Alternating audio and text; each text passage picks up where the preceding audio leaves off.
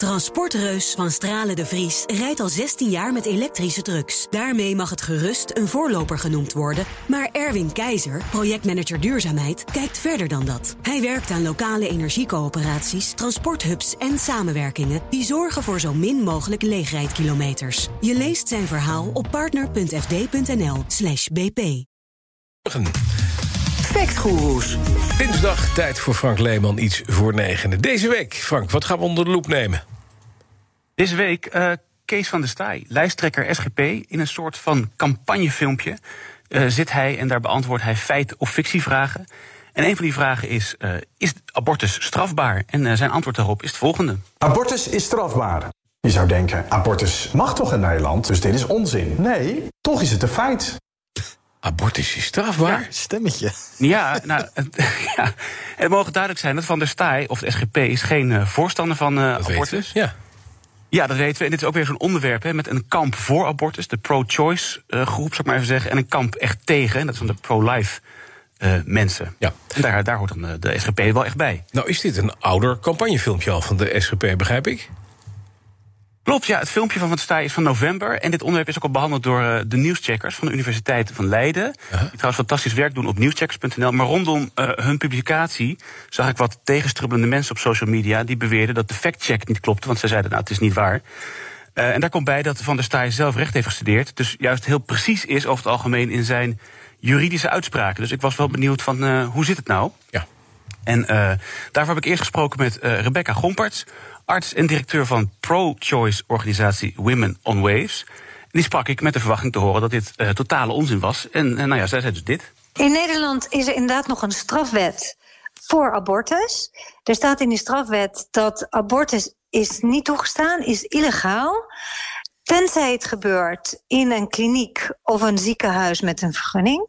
En iedereen die het op een andere manier doet, die, ook artsen, die kunnen vier jaar gevangenisstraf krijgen. Daar zit de nuance. Het moet dus in een specifieke abortuskliniek gebeuren, dan is het niet strafbaar. Nee, precies. Ja, nou is Women on Waves een organisatie voor abortus. Hè? Je zei, er zijn twee kampen. Wat zegt, wat zegt de uh, juridische partij? Ja, nou precies wat ik dacht van ja, misschien dat de, dat de pro-choice beweging het wat zwaarder aanzet nog. Hè, ja. Om zeg maar te, ben, te, benadrukken hoe belachelijk het uh, wel niet is. Dus ik sprak met uh, Aniek de Ruiter, uh, en die is jurist en associate professor in het recht. Kijk, de vrouw die het ondergaat, die is niet strafbaar. Maar degene die het doet, de dokter, die is wel strafbaar. Tenzij de abortus wordt uitgevoerd in een daarvoor aange wettelijk aangewezen kliniek. Dus het, het strafwetsartikel van 296, waarin dus de arts of degene die, het, die de abortus uitvoert strafbaar is gesteld, is zo opgebouwd dat het in eerste instantie strafbaar wordt gesteld om uh, een abortus te doen, tenzij het volgens de uitzonderingswet en regelgeving wordt gedaan in een aparte kliniek. Dat is het tweede artikel. Oké, okay, Frank, het is strafbaar, tenzij dus inderdaad, wat ik al zei... die uitzonderingswet uh, toegepast wordt, een aparte kliniek. Uh, dat is het belangrijkste. Maar is er een realistisch voorbeeld van een scenario... waarin abortus wel strafbaar zou kunnen zijn? Dan moet je inderdaad naar een, een arts die zelf gaat zitten hobbyen.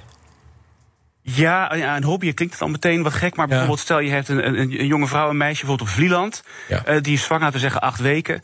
Uh, en die moet dan dus reizen. Maar het kan natuurlijk zijn dat ze niet kan reizen door COVID of door een onveilige thuissituatie. Want in haar geval moet je dan 2,5 uur heen, 2,5 uur terug. Ja. Uh, ja, dan zou het kunnen zijn dat er een arts is die zegt: God, ik heb, ik heb al pillen liggen voor uh, de overtijdbehandeling, die in Nederland sinds kort kan. Dan kan een arts, een huisarts zelf, tot 16 dagen na de gemiste menstruatie pillen voorschrijven, omdat uh, he, die, nog voordat Om een abortus op te wekken. Ja, precies. Ja, een chemische abortus. Die zouden die pillen kunnen voorschrijven. Die zegt van, nou, dit is dan veel handiger voor dit meisje nu. Ja, ja die zou dan eventueel vervolgd uh, kunnen worden, ja. Ja, ja. Oeh. Als we nou afrondend de conclusie opmaken van der Staaij... die zegt, abortus is strafbaar, is hij dan feitelijk juist? Nou, dat is natuurlijk een beetje lastig. Ja. Feitelijk is het juist, want het, het wettelijk kader is dus... het is strafbaar tenzij. Mm -hmm. het, is niet, het is niet strafbaar uh, tenzij... Nee. Um, maar goed, hij brengt het een beetje alsof het krijgen van een abortus strafbaar is. En alsof je als vrouw vervolgd zou kunnen worden.